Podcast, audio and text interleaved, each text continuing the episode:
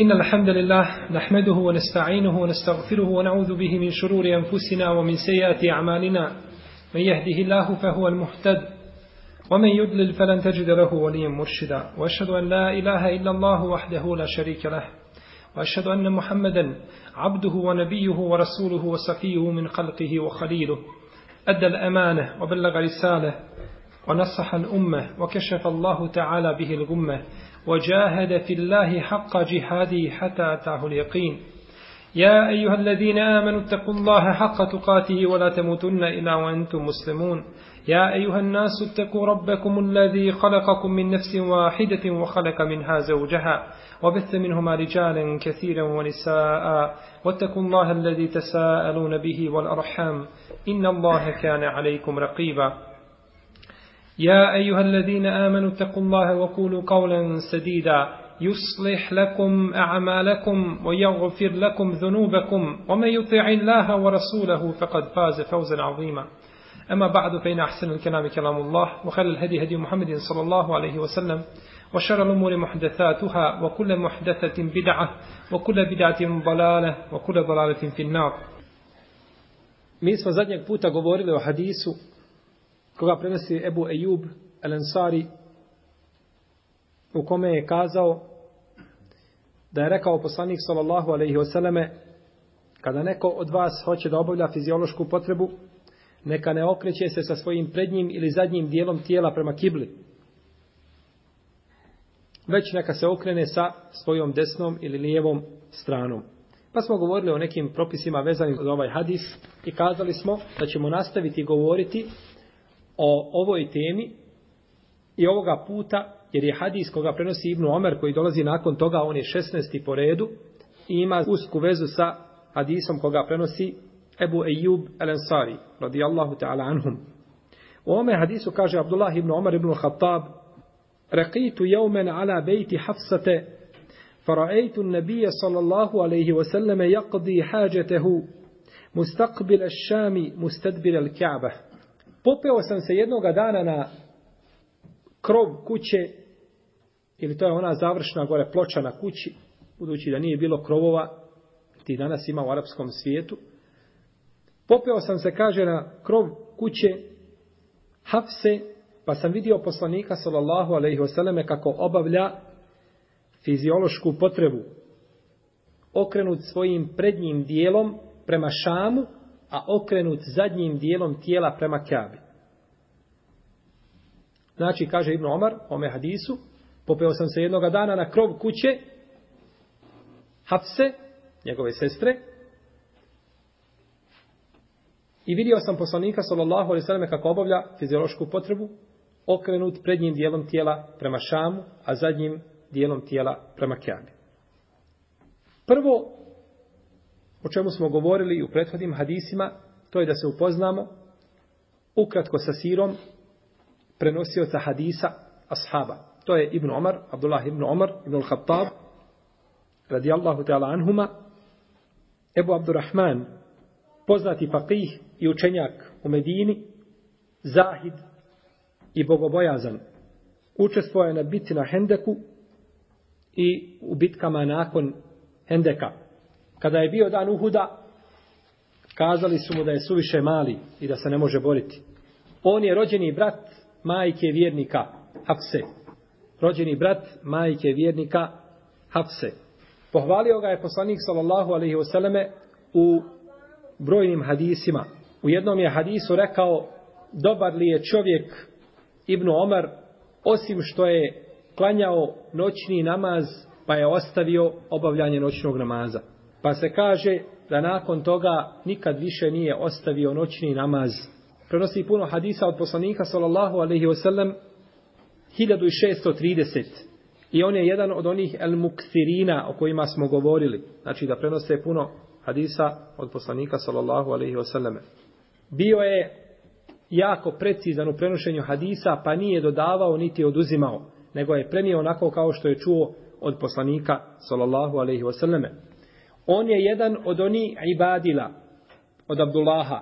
Ibadile je množina od riječi Abdullah. Imaju četvorica ibadile. Jeste čuli za ibadile? To su četvorica ashaba koji se zovu Abdullah. To su Abdullah ibn Omar ibn al-Khattab, Abdullah ibn Zubair, Abdullah ibn Abbas i Abdullah ibn Amr ibn al-As. Tako je. Ibn al-As ili ibn Amr ibn al-As, ibn Zubeir, ibn Omar, ibn Abbas. Oni se zovu Ibadile. I oni su spomenuti njih četvorica zato što su svi bili mladi. Iz pozne skupine ashaba. Iz pozne skupine ashaba. Zato Ibn Mesaud nije ubrajan među njima. Inače, oko 300 ashaba poslanika sallallahu sallam se zvalo ovim imenom. Abdullah. Ali ova su četvorica izdvojena zato što su bili učeni i puno su ljude poučavali, a bili su, a bili su mladi. A bili su mladi, pa su dugo ostali da žive, pa su ljudi bili potrebni njihovog znanja. Pa su dugo izdavali fetve i dugo pozivali jer je uzvišenog Allaha te barek jer je Ibn Mesud umro relativno rano u odnosu na njih. Pa kaže imam Bejhehi, kada se oni nešto, na nečemu slože, njih četvorica, onda se kaže to je mezheb i badila. To je mezheb i badila, znači mezheb ova četiri ashaba, Abdullaha ibn Amra, ibn Lasa, i Abdullaha ibn Zubeira, i Abdullaha ibn Omara, i Abdullaha ibn Abbas. Kažemo, njegove odlike su brojne, bio je bogobojazan, puno je plakao, puno je postio, puno je klanjao, bio je skrušen i bio je skroman. Nikada nije htio jesti dok se ne dovede miskin ili siromah da jede sa njim. Kada bi neko doveo siromaha da jede sa njim, onda bi jeo. U protivnom, ne bi nikada jeo sam. I volio je da izdvaja na Allahovom putu ono što mu se najviše dopada od njegovog imetka. Pa kada bi mu se nešto dopalo od njegovog imetka, onda bi to izdvojio na Allahovom putu. Jedne je prilike, kako bilježi Ebu Davud u svome dijelu Zuhd, oslobodio svoju robinju koja se zvala Rumeisa. Imao je robinju koja se zvala Rumeisa i bila mu je najdraža. I kad je vidio da mu je najdraža, e onda je kazao sa slobodan na Allahom putu. A kaže, tako mi je Allaha, mrzim, kaže da nešto što sam dao radi Allaha, da to vratim sebi. A kaže da nije tako, kaže onda bi je, kaže, oženio. Bila mu je draga. No međutim, oslobodio je na Allahom te barakatala putu. U jednoj se predaj navodi da je udao za nafiju, za svoga slugu. Još teža stvar su mana. Oslobodio je, najdraža mu on je oslobodio i onda je udaje njemu najbližoj osobi. A to je nafija koji prenosi od njega najviše hadisa. I bio je nafija povjedljiviji za hadis od Ibnu Omara od njegovog sina Salima. Jer Salim prenosi hadise od Abdullaha ibn Omara. I prenosi Nafija hadise od Abdullah ibn Omara, ali je Nafija bio pouzdani. I zato Ibn Abdul Ber kaže u svome dijelu Temhid, imaju četiri hadisa koja je Salim prenio od Ibn Omara od poslanika s.a.v. A iste te hadise, kaže, prenosi Nafija od Abdullaha ibn Omara i ne diže i ne veže iz Allahovog poslanika. Pa se kaže da je tu Nafija bio u pravu. Kod ta četiri hadisa. Pa je bio Nafija najpouzdaniji ovaj u prenošenju hadisa od Ibn Omara. Kaže imam Eddara Wardi, prenoseći od imama Malika, Ibn Enesa, 60 godina je Ibn Omer izdavao fetve. 60 godina se je bavio fetvama i poučavanjem ljudi. Oslobodio je oko hiljadu robova. I drugi potvrđuju ovo što se tiče oslobađanja robova, da je oslobodio hiljadu robova. Nije spavao po noći osim malo, kaže Imam Malik. A spominje od njega Ibnu Šaban da je obavio hiljadu umri. Da je obavio hiljadu umri. No međutim, Allah zna im da su ove riječi malo sporne. Da su ove riječi malo sporne, jer hiljadu umri obaviti dolazeći iz Medine u Meku na Devi, ne bi bilo jednostavno. Tako da ova predaja zahtjeva vjerodostojan lanac prenosilaca. Kaže Mejmun ibn Mehran, došao sam jedne prilike ibn Omaru i donio mu 20.000 dinara u jednom međlisu dok je sjedio. I kaže, nije Ibn Omar ustao iz ovoga međlisa dok to sve nije podijelio ljudima koji su bili prisutni. I drugima. Znači, oporučio je kome će se to podijeliti. Bio je jedan od najžešćih ashaba, kako kaže šehol Islaminu Tejmi u svojim fetvama, Ibn Hajar u svome dijelu, Takrib, i brojni drugi imam Sujutija u Tenuviru Havalik i drugi, da je bio jedan od ashaba koji najžešće slijedio sunnet poslanika, sallallahu alaihi wa alaihi wa sallam. Pa je išao i pratio gdje je Allahov poslanik obavljao namaz, pa bi na tom istom mjestu obavljao namaz. Čak je pratio tamo gdje je Allahov poslanik izvršio nuždu kada je bio na putu, pa bi tako činio. Kaže Nafija, da ste ga vidjeli, kao što sam ga vidio kako to čini, kaže, kazali biste ovaj čovjek poludio. Ide, kaže, stopu po stopu, što mi kažemo, i gleda gdje je Allahov poslanik bio da bi došao na isto mjesto i da bi obavljao znači na tome mjestu, da bi obavio namaz. Ponekad bi u jednom međlisu podijelio 30.000 dinara. Znači sve što mu dođe od sedake, od zekijata, sve bi to podijelio i raspodijelio ljudima. Kaže Sa'id ibn al-Musayyib, jedan od najpoznatijih tabina, kaže da sam ikome posvjedočio od stanovnika Dunjalu kada je dženetlija, kaže posvjedočio bi Ibn Omar. Dao bi njemu taj šehadet. Kada su bile bitke i neredi između ashaba, Ibn Omar nije pristupio ni jednoj od skupina, nego se je suzdržao i nije se borio ni protiv koga. No međutim, kada je prošlo izvesno vrijeme nakon tih bitki i nereda, kazao je, žao mi je što se nisam borio. Jer je, kaže, boriti se za istinu preče nego sustegnuti se od borbe. Pa je žalio što se nije borio na strani Alije radi Allahanu. Jer poznato je kod Ehlu Sunata od džemata da je Alija bio u pravu. Da su u pravu jedna i druga skupina u smislu ičtihada. Pa da imaju nagradu. Međutim, jedna ima jednu nagradu, a druga ima dvije nagrade.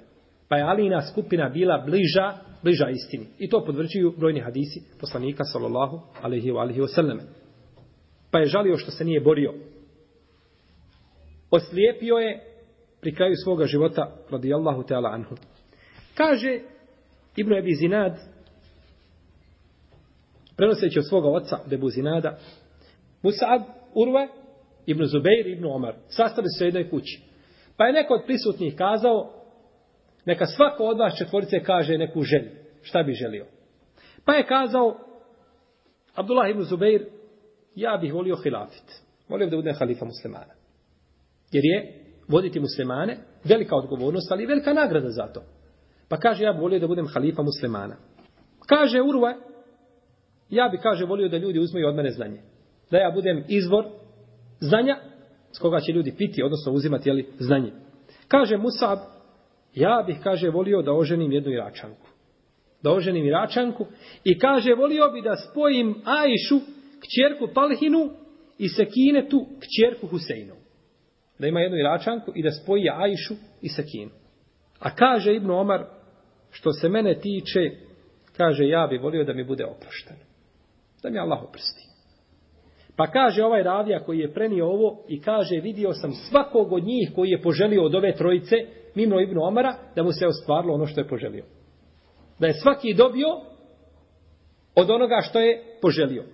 Pa ako nije dobio hilafe, dobio je znači nešto slično hilafetu. Bio je negdje namjesnik i slično tome. Kaže, svaki od njih ostvario svoju želju, a kaže, inša Allah, da je Ibnu Omaru ispunjena njegova želja. Pa da mu je uzvišeni Allah te barak je ta'ala oprostio.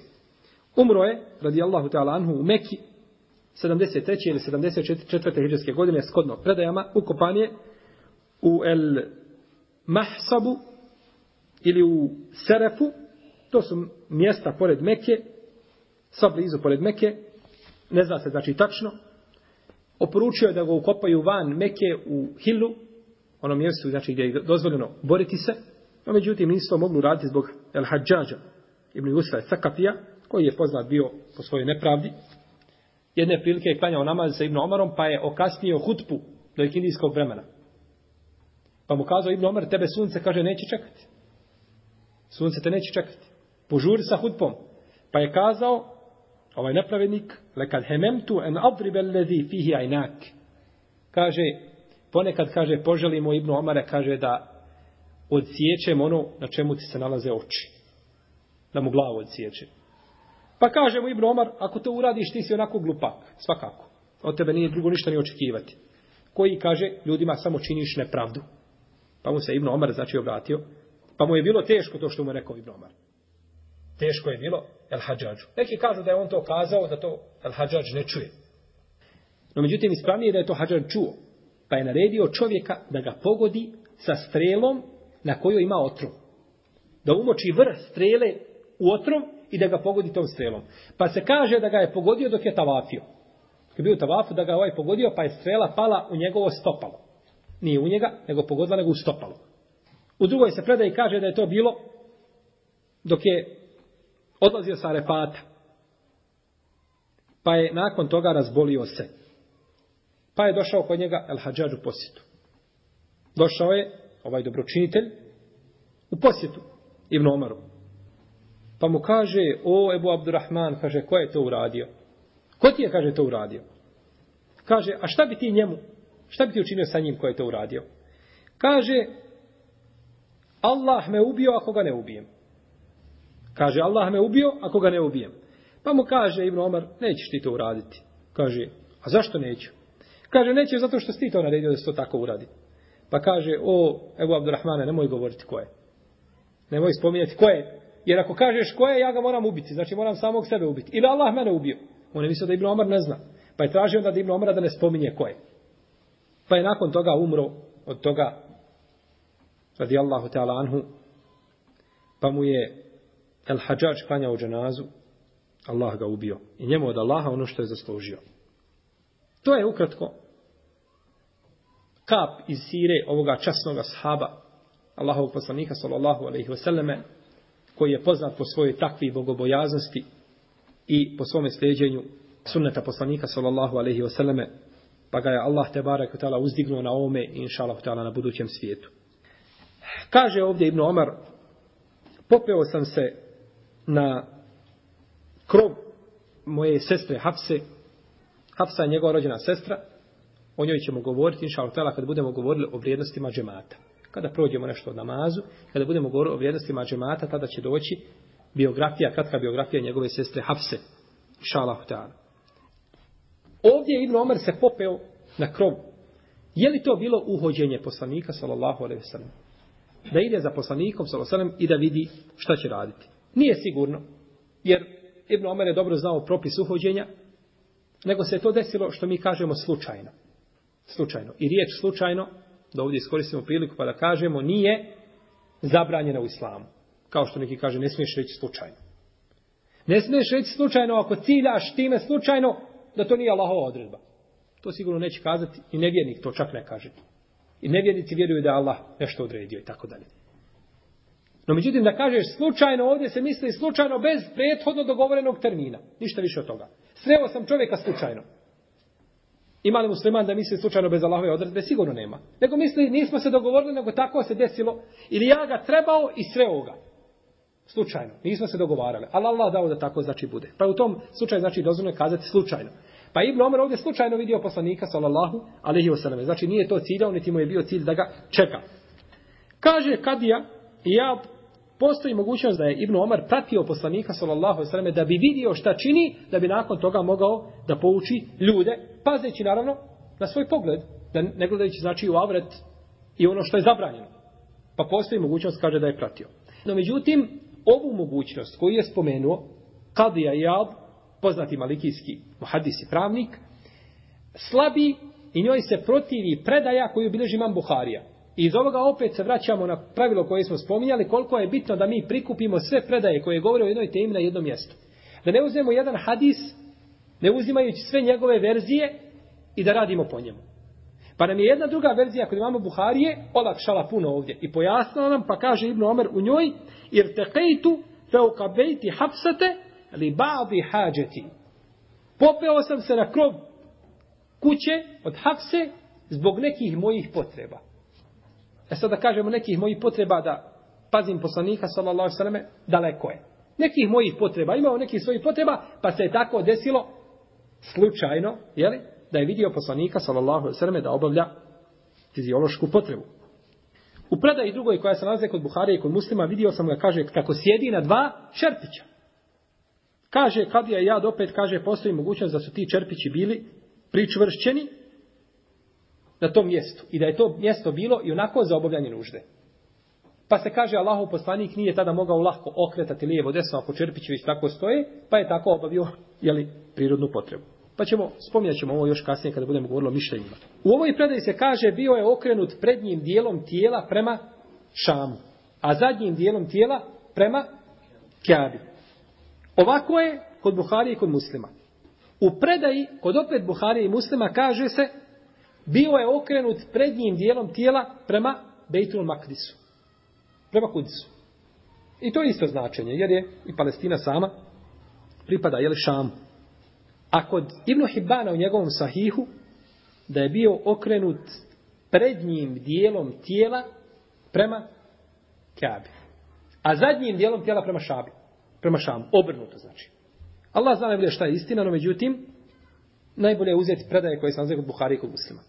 Jer se desilo ovo jedan put, nije se ponovio ovaj slučaj, pa je najbolje kazati da su predaje koje su kod Buharije i kod muslima, naravno što imaju dvije verzije, da je okrenut u jednoj prema Šamu, u drugoj prema Bejtul Maktisu, da je ispravnija nego da je bio okrenut prednjim dijelom tijela prema Kjabi. I tako se lahko desi kod ravija koji prenose hadise da znači da obrnu i ovo se zove maklub. Hadisun maklub. Prevrnut ili obrnut hadis. Kao hadis kome se kaže da ne zna desnica šta je udjelila levica. A treba da ne zna levica šta je udjelila desnica. Pa ravija tu okrene hadis. Spore se islamski učenjaci ili muhaddisi oko razumijevanja ovoga hadisa s obzirom na hadis Ebu Ejuba el-Ansarija, u kome se brani okretanje prednjim ili zadnjim dijelom tijela prema kjavi dok se obavlja fiziološka potreba.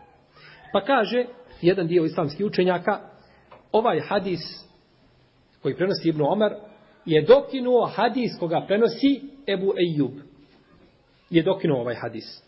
Pa je znači dozvoljeno da se okreće čovjek prema kibli i ovako i onako kada obavlja fiziološku potrebu. Kažu drugi, ne.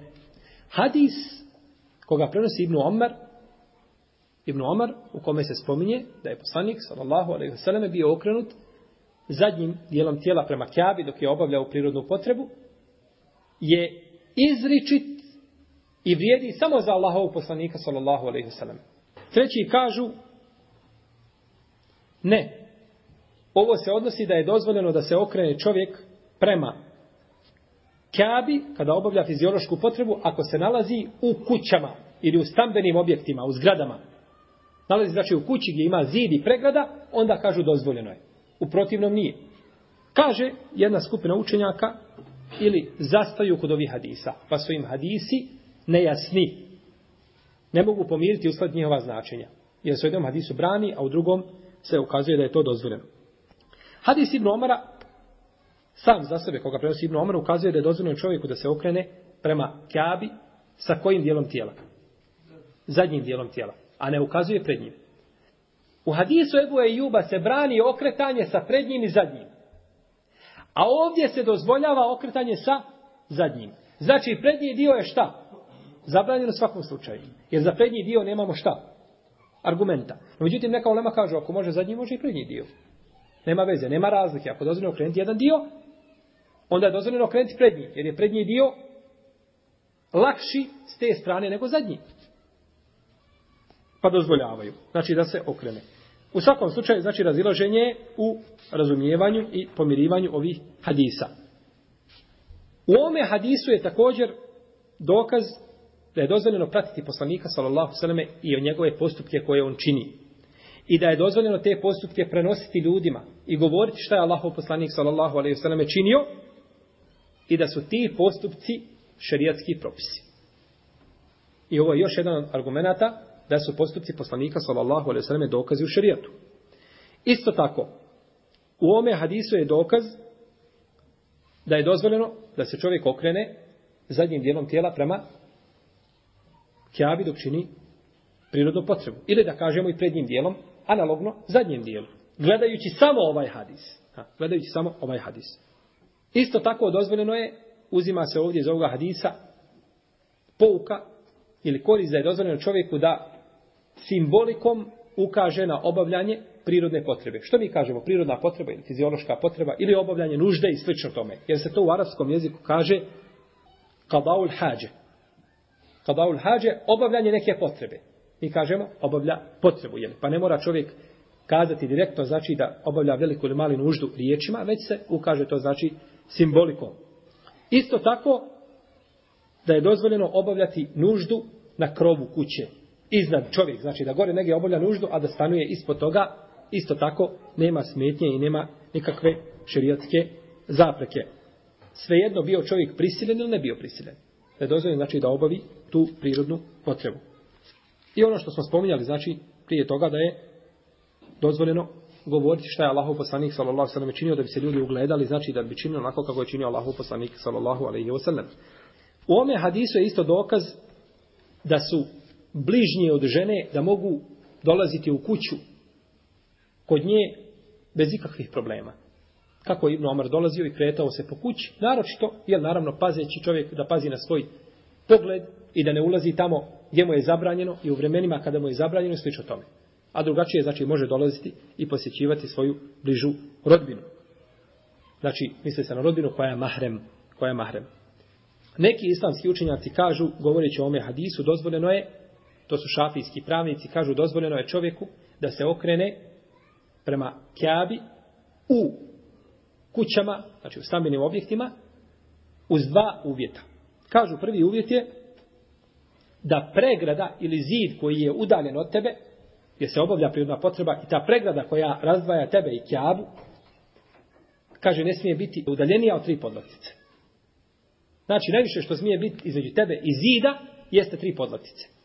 I da ta pregrada mora biti visoka toliko da pokriva čovjekovo stidno mjesto koje je otkriveno kada obavlja prirodnu potrebu da ga niko ne može vidjeti. Što se tiče drugog uvjeta, on je ispravan sigurno. Jer mora čovjek biti pokriven ne mora se sakriti kada obavlja prirodnu potrebu. No međutim, što se tiče prvog, da ne smije biti udaljena više od tri podlaktice, za to nema nikakvog argumenta. Ne postoji, ne postoji nikakav dokaz. Što se tiče samog mišljenja ili prioritetnijeg stava po pitanju ovoga pravnog pitanja, islamski učenjaci, kako smo kazali, mi podijeljene stavove. No međutim, možda bi preče bilo, Allah najbolje zna i sigurnije kazati da je prvi postupak izričit Allahovom poslaniku sallallahu alejhi ve selleme. Odnosno obavljanje nužde okrenut prema kibli da je to to vrijedi samo za Allahovog poslanika sallallahu alejhi ve selleme. Jer je Allahov poslanik to zabranio. I njegove riječi, njegova zabrana su propis za cijeli umet. A njegov postupak može biti svojstven njemu. Pa je bolje kazati da je to samo, vrijedi samo za poslanika sallallahu alejhi ve selleme, a da ne vrijedi za druge ljude i to je mišljenje sigurnije. Iako mišljenje u kome se spominje da je to dozvoljeno u kućama ima svoju težinu, ima svoju jačinu. No međutim, sigurnije je da se to ne čini. I bolje je da se to ne čini.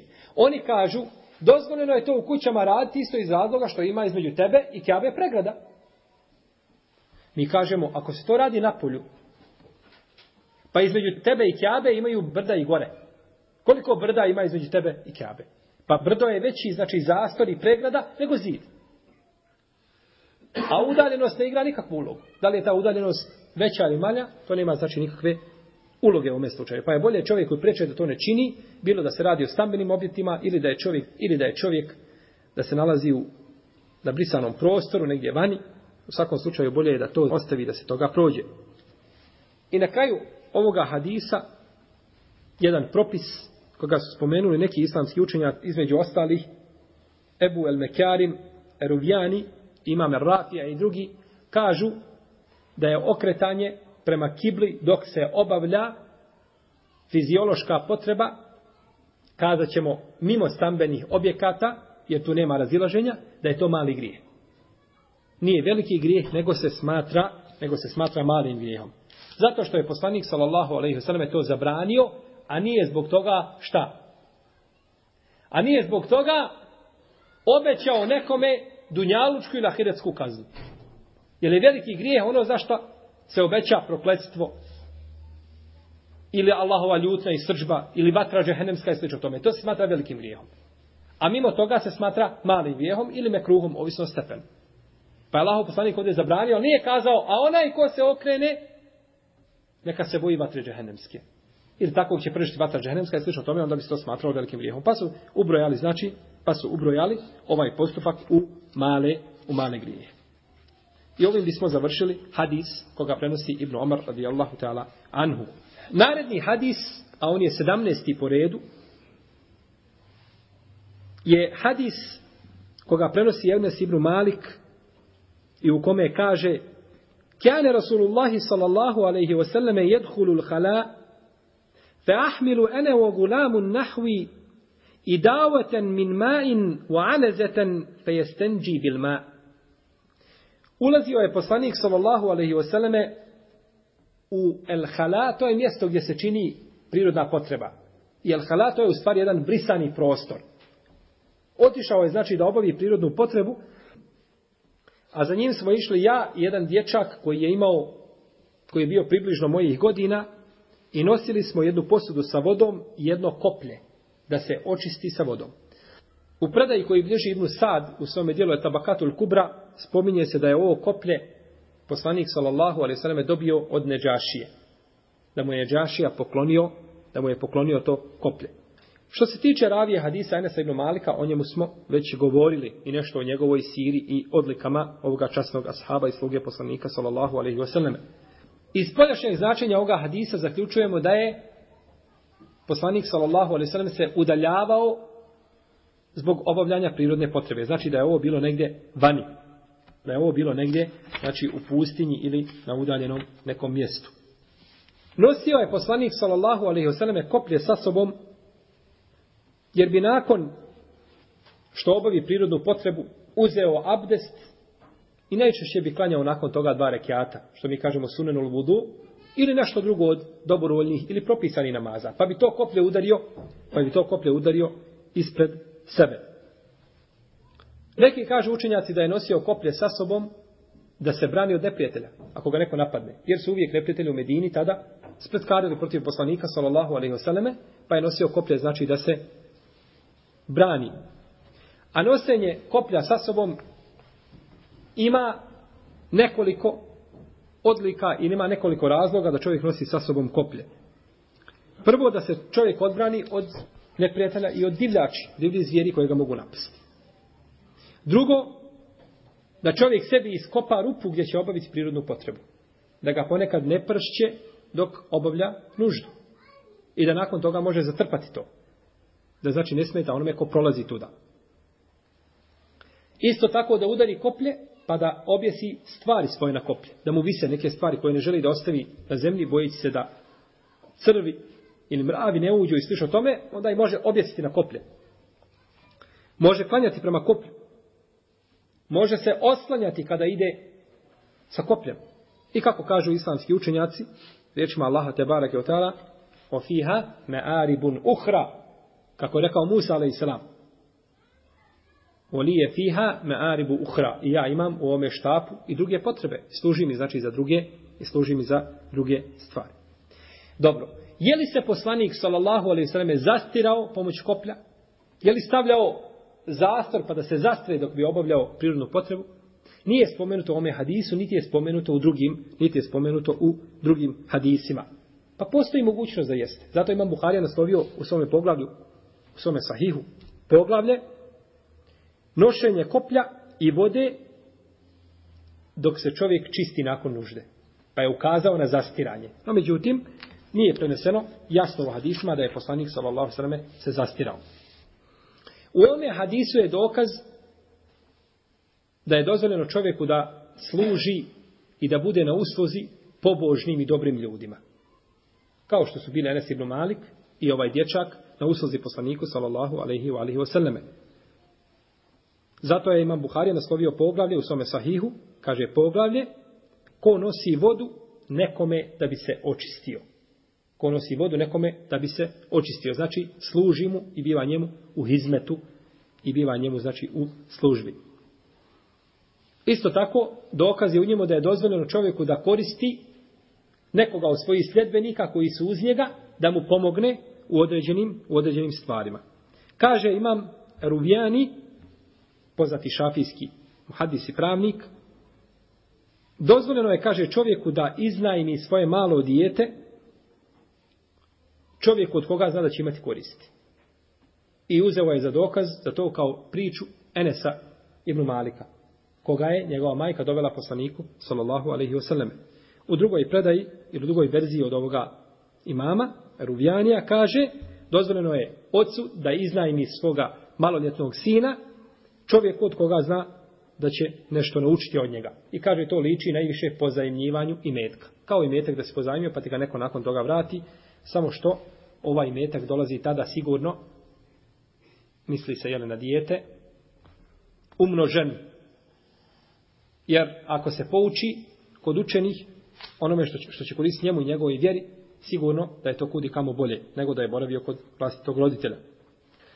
U ome hadisu je isto tako dokaz da je lijepo čovjeku da se udalji kada obavlja fiziološku potrebu, da se udalji od ljudi, da nije znači blizu ljudi. I to je došlo od poslanika sallallahu alejhi u nekoliko hadisa udaljavanje znači od ljudi. Pa ono što se vidi i što su upali mnogi muslimani oponašajući one koji ne vole niti Allaha dželešan niti njegovu vjeru niti propise pa da po putevima obavljaju prirodnu potrebu to je zlo koje se raširilo i po nekim muslimanskim zemljama ili kod nekih muslimana i to je oprečno i to je oprečno šerijatu. I to je poslanik sallallahu alejhi ve sellem zabranio u hadisu kada je kazao da će čovjek biti kažnjavan u kaburu zbog toga što se nije zastirao pri obavljanju prirodne potrebe, nego znači zato što je to činio javno. Kaže imam Elasili, u ome hadisu nije jasno kazano da je poslanik sallallahu alejhi ve selleme čistio se sa vodom. Pa se u hadisa kaže, čistio bi se sa vodom. Ove riječi, estenđi bilma, čistio bi se vodom, od koga su? One su riječi Ebul Walida, šeha imama Buharija, od koga imam Buharija prenio hadis. A on nije vidio niti Enesa, niti ovoga dječaka. Pa su to njegove riječi. Jer bileži ovu predaju, bileži se ova predaja isto kod Buharije, putem Sulejmana ibn Harba od Šo'beta, da je rekao da su nosili za njim vodu, ali nije spominjano da se je čistio sa vodom. Nije spominjano da je poslanik Salao čistio se sa vodom. Zato neka braća Lema kaže da nema ni jednog ispravnog argumenta da se čovjek čisti nakon nužde sa vodom. Da nema argumenta jasnog i ispravnog. Da se čisti čovjek nakon nužde sa vodom. No međutim, vidjet ćemo da argumenti ukazuju suprotno tome i da postoje vjerodostojni hadisi. Kažu, nosio je vodu za poslanikom, sallallahu alaihi sallam. Zbog čega? Zbog čega je nosio vodu? Kaže, možda je nosio vodu da se abdesti Allahov poslanik. Da opere ruke da se abdesti nakon nužde. Možda nije nosio da se čisti vodom. Pa hadis kažu nije jasan. No međutim, ispravno je da argumenti ukazuju da je praksa poslanika sallallahu alejhi ve selleme bila da se čisti nakon obavljene prirodne potrebe sa vodom. Pa prenosi Ata ibn Ebi Mejmune od Enesa ibn Malika da je rekao a ovu predaju je zabilježio imam Buharija u svome sahihu ušao je poslanik sallallahu alaihi sallam u mjesto gdje se obavlja prirodna potreba znači ovo je druga verzija ovoga hadisa a za njim smo kaže išli ja i jedan dječak i nosili posudu sa vodom i koplje pa se je očistio nakon fiziološke potrebe sa vodom pa je hadis šta? jasan, sad Enes govori, više ne govori Ebul Walid, šejh imama Buharije, nego govori sada Enes, pa se je očistio nakon toga sa, sa vodom. Kako je Enes mogao znati da se Allah poslanik očistio sa vodom? Je li gledao? Postoji mogućnost da je vidio kako se Allahov poslanik čisti, da nije vidio nešto od njegovih stidnih mjesta, da je vidio kako se čisti. Ili da je Allahov poslanik ušao sa vodom i izišao bez vode. Šta je uradio? Prosuo vodu Pa je na osnovu toga zaključio da se čistio sa vodom. A u drugoj predaji kaže se, kada bi Allahov poslanik sallallahu sallam obavio veliku prirodnu nuždu, došao bi mu ja sa vodom, kaže pa bi se on oprao sa vodom. Jasni hadisi ko dan. Ne može se sada kazati lijevo ili desno. Nema. Ima hadisa da se poslanik sallallahu sallam čistio znači sa vodom. A u predaji kod imama muslima, i ovo znači sve vjerodostojne predaje, kaže se pa bi obavio prirodnu potrebu, pa bi izišao, znači iz klozeta ili čenife, a on se očistio nakon fiziološke potrebe sa vodom. Znači sve jasne predaje. Sve jasne predaje da se Allahov poslanik sallallahu alejhi ve čistio sa vodom. No međutim neki islamski učenjaci uzeli neke predaje koje nisu jasne, pa kažu nema dokaza. No međutim da su sakupili Nije ovo znači ukor islamskim učenjacima, mi nemamo pravo na to nikako, no međutim svakome promakne ponešto. Pa i vrhunskim islamskim učenjacima promakne neka, promakne neka stvar. da su sakupili sve predaje i verzije ovoga hadisa, vidjeli bi da imaju znači argumenti koji ukazuju na to. Na primjer, predaje koji bliži Ibnu Mađe u svome sunenu, od Ajše radijallahu ta'ala anha, koja ima vjerodostojan lanac prenosilaca, kaže Ajša, nisam nikada vidjela Allahovog poslanika, sallallahu alaihi wasallam, da je izišao iz čenife, nakon obavljene prirodne potrebe, a da nije dotakao vodu. Je li ovo jasan hadis da se čistio vodom?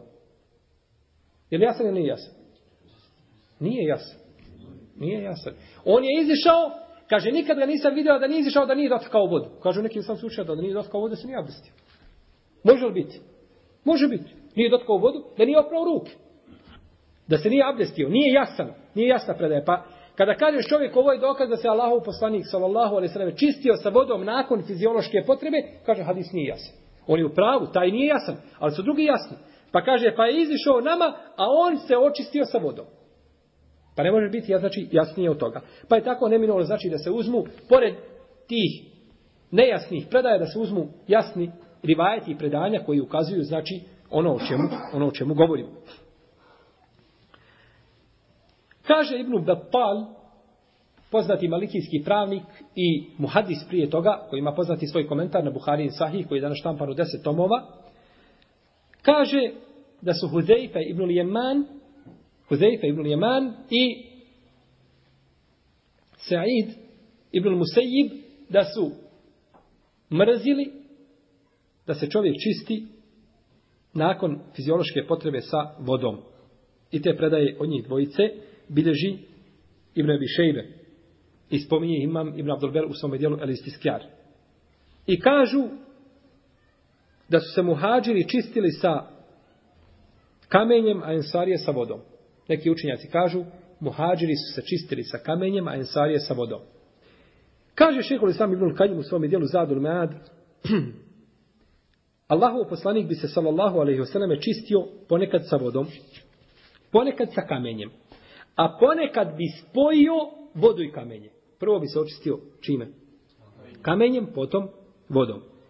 Što se tiče prva dva slučaja, čišćenja jedan put vodom, jedan put kamenjem, odvojeno, zato imaju vjerodostojne predaje u najvjerodostojnijim hadijskim zbirkama. No međutim, što se tiče spajanja, za to nema argumenta. Nema dokaza da je poslanik, sallallahu alaihi vseleme, ikada spojio, da je spojio između kamenja i vode. Iako je to većina islamskih učenjaka iz prvih i potonjih generacija dozvolila.